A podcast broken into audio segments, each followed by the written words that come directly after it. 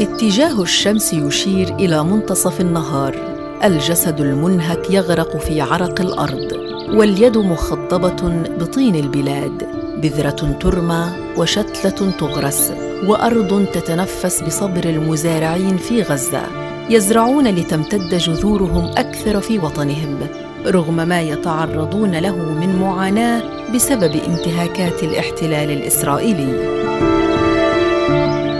في شمال قطاع غزة وفي أرضهم المحاذية للحدود بيعمل المزارع أحمد فلفل بكل ما لديه من طاقة رغم اقترابه من سن السبعين. أما زوجته جازية فلا تتوانى عن وضع يدها في الأرض في كل مراحلها الزراعية يزرعان بحب ليعيلا عشرة من الأبناء متحديان معا كل ظروف المهنة الصعبة التي يعملان بها منذ أكثر من خمسين عاماً. العلاقة بيننا إنه مشترك يعني إحنا الاثنين بنخدم لأنه نربي أولادنا يعني مش عشان مصلحتنا إحنا. إحنا خلص عدت بنكون نشتغل عشان الدخل يكون نربي فيه أولادنا ونعلمهم. يعني دائما مع بعض بنروح. بيجي بلاقينا محاضرة بنروح بنشتغل مع بعضنا بنروح مع بعض. يعني الواحد له عشرة العمر يعني ما انت عارفة. الشغل إحنا دائما نطلع أنا متعودين إحنا يعني حسب العمل اللي عندنا. عم متعودين إحنا بعد صلاة الفجر إحنا نطلع على الأرض. وكنا نجهز كل حاجة يعني. اكلنا شربنا بناخده معنا. بنروح بنقضي فترة ما يروح العمال مثلا على التنتين. بنروح بنيجي إحنا التنين نتغدى وبنعود نزرع نرجع على المزرعة. يعني حياتنا الزراعة كانت. وهناك حسب إيش العمل اللي عندنا. إذا كان كان عندنا عمل تصدير طبعا كل واحد بيشتغل في في, في, اللي هو التعبئه والفرز كنا نشتغل اما الشغل الثاني كان موجود عندنا عمال في القطف والشغل الثاني. ولو عبرت يعني بدي أعشب بعشب وأشتغل. يعني بدنا عامل مش محتاجين مش قادرين نجيب عامل. بخش بشتغل عادي. بشتغل يعني بنوفر أجار العامل. الواحد بصرف فيه لصغاره ولأولاده. عائلة أبو خالد مش مجرد عائلة بل فريق من المزارعين. بيتقاسم الأب والأم فيما بينهما مهام الأرض بمشاركة الأبناء وكغيرهم من مزارعي المناطق الحدودية اللي بتشكل السلة الغذائية الاستراتيجية لسكان غزة فهم الأكثر تضرراً من ممارسات الاحتلال اللي بينغص عليهم فرحة الزرع والحصاد فيتعرضون للكثير من الانتهاكات أخطرها وقت الحروب التي لا تبقي ولا تذر.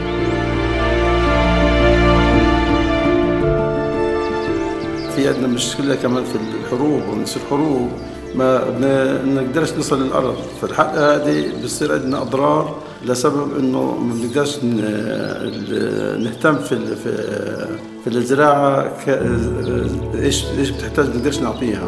ليش؟ بنقدرش نصل لها. إذا كان من ناحية ري ناحية تسميد أو من ناحية إنه تعقيم الأمراض أو زي هيك يعني. الحروب يرموا القذايف تلاقي الشبكة كلها خربانة.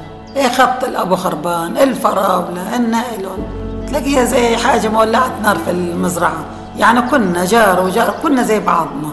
يعني القذايف يبقى عروسنا نسكر الباب علينا. عبال ما نشوف القذايف خفن شوية نعرف بس إيه نطلع بسياراتنا.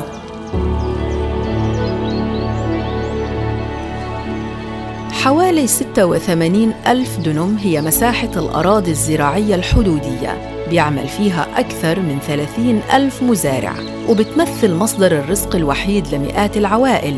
ولكن في ظل الاعتداءات الإسرائيلية شبه اليومية فهذا يعني مزيد من الخسائر بيتكبدها المزارع وبتزيد الأوضاع الاقتصادية سوءاً لدى غزة اللي بيعاني أكثر من 60% من سكانها من افتقاد الأمن الغذائي. ومن أخطر الانتهاكات اليومية اللي بتتعرض لها عائلة أبو خالد ومزارعي الحدود هي إطلاق النار بشكل عشوائي وإطلاق قنابل الغاز تجاه الأراضي اللي بيستبيحها الاحتلال وبيجرفها وبيجرف معها أرزاقهم وبينهش لقمة عيشهم في أي وقت شاء. حصل كثير مش مرة. كثير مرات كثير حصل عندنا مشكلة هناك وحصل اطلاق نار وحصل وكان اجتياحات وكان يخش من عندنا ويصلونا ويطردونا من المزارع. وكنا نترك المزارع أوقات يعني بالقوة نتركها مش خطرنا. لحد ما في إطلاق نار بدك تسيب المنتج تاعه وتسيب المزرعة كلها وتتركها وتروح. بتم إذا ظل ثاني يوم بصير في تلاف عنده عنده في إيش؟ في اللي هو في الأرض. في المنتج يعني كان يكون اطلاق نار وإحنا ما نروحش ولكن في الآخر الاطلاق النار يكون قريب جدا منا عشان نترك المكان. في الحالة هذه كنا نترك لأنه كان يكون أمطار محدودة بعيد عنا. وهذا إحنا بنعرف إنه تحذير إنه إحنا لازم نترك المكان. صار اصابات كثير صار اصابات وصار شهداء كمان عندنا هناك. لما نشوف الإشي حامي حامي حامي يعني الواحد بده يخاطر على نفسه. بسحب حاله وبيطلع بالسيارة بياخذ عماله وبروح يعني لو بنقول للعمال يا استنوا على نستنى في الدور شوية. لو حسينا الإشي خاف بنعود نجيكم وناخذكم نرجع على الأرض. يعني نسمع واحد يقول لنا من الأرض والله بطلوا يعني إطلاق النار وقفت ناخذ عمالنا ونعود نرجع.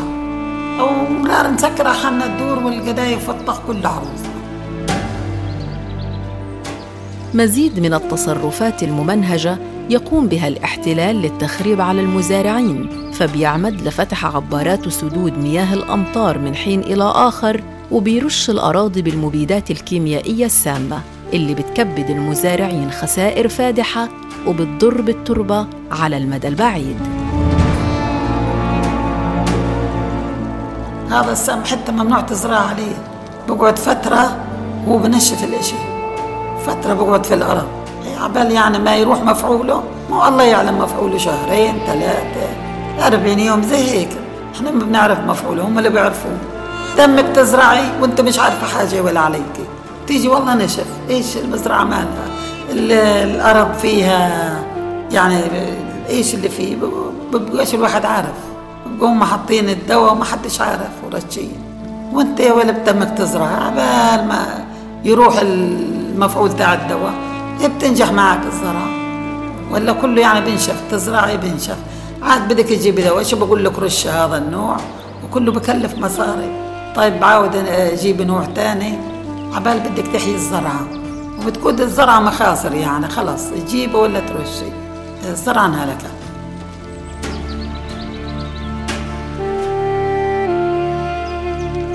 ازرع لكن بشروط. لا تقترب من السياج الحدودي. ممنوع زراعة الأشجار والشتلات اللي بترتفع أكثر من 30 سنتيمتر لدواعي أمنية. وإن زرعت وحصدت ونجوت من الموت فعلى الأكيد ستكون ضحية معاناة أخرى بسبب تقييد سلطات الاحتلال توريد منتجات المزارعين إلى خارج القطاع من وقت إلى آخر خصوصاً إلى أسواق الضفة المحتلة وهو ما يعني المزيد من الخسارة.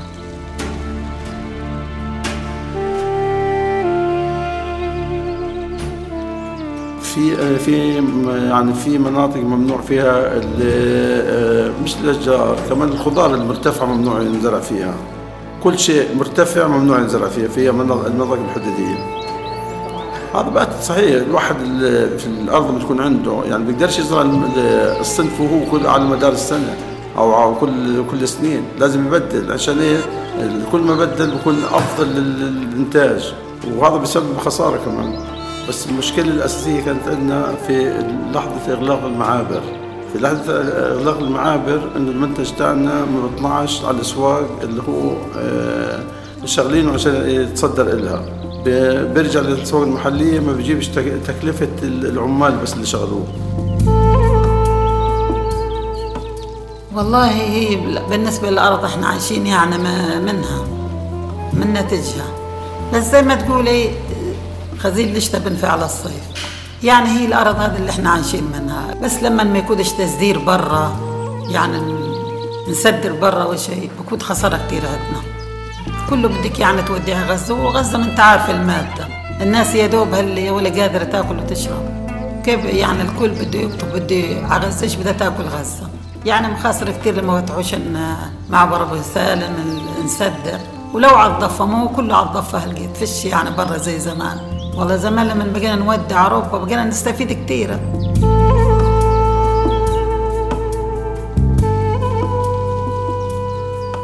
معاناة مزارعي قطاع غزة كأغلب القطاعات الحيوية ما بتتوقف عند المعاناة اليومية بل يعتبر الحصار المفروض على غزة التحدي الأكبر أمامهم بدءا من صعوبة إصلاح أنظمة الري اللي بيتم تدميرها بشكل متعمد بالقصف والتجريف إلى نقص المواد اللازمة لإعادة تأهيل الدفيئات الزراعية وما بينتهي الأمر عند ارتفاع أسعار أدوية مكافحة الآفات.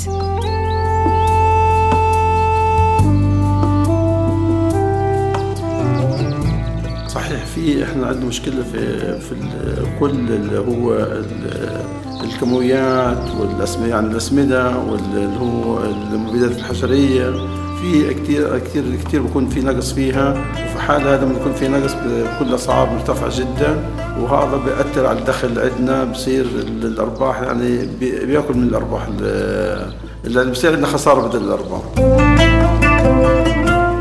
كل هذا اللي إحنا بنطلبه بمنعوه يخش علينا. هم بيجيبوا المسموح لنا بس الحاجة اللي إحنا بدنا إياها نستفيد منها ما بيجيبوهاش علينا. زي؟ يعني الأوريا هذه اللي زمان كانت يعني باقي يمنعوها لقيت ها فيش منها لقيت عندنا هذه. لايش هذه بنستخدمها لما نزرع الاذرع بنحط بقينا نحط على التوت تزرع يعني زرعة ملوخية زي هيك نستخدمها الحاجة اللي هم عارفين إحنا بنستفيد منها بخشوش لنا على المعابر. ونخشت خفيفة تشتريها بالثمن يعني بتشتريها مش غالي تنجب لي تشتريها لانك بدك تحيي مزرعتك. يعني الزرعة بقول لك خلص الواحد بيشتريها وبتكل على الله. يكون يجيب سعر والواحد يمشي حاله. كل حاجة بنستفيد منها بخشش عشان تلاقيها خفيف تشتريها بالسانطي من الدكاكين.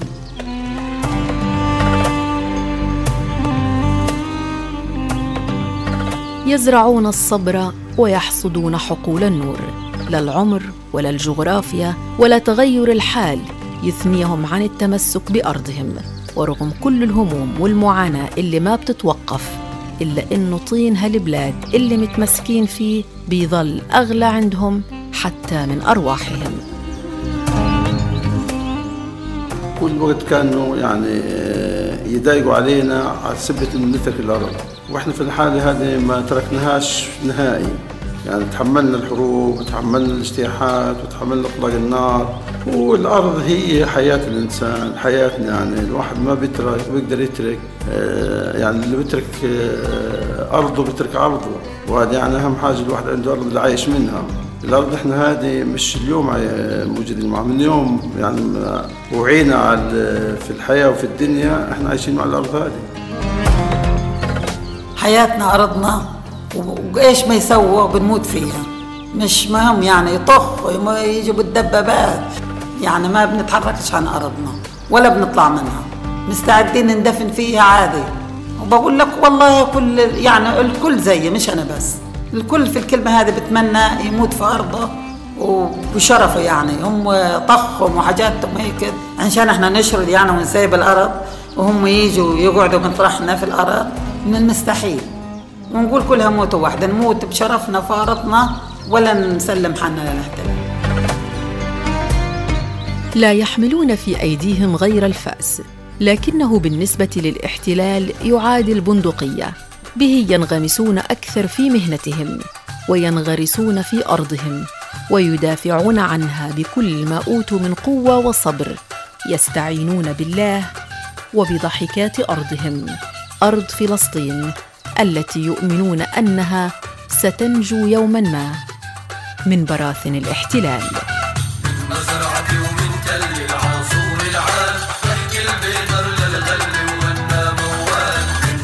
بودكاست على حافة الحياة. إعداد وتقديم حنان أبو دغيم. إخراج صوتي خالد النيرب.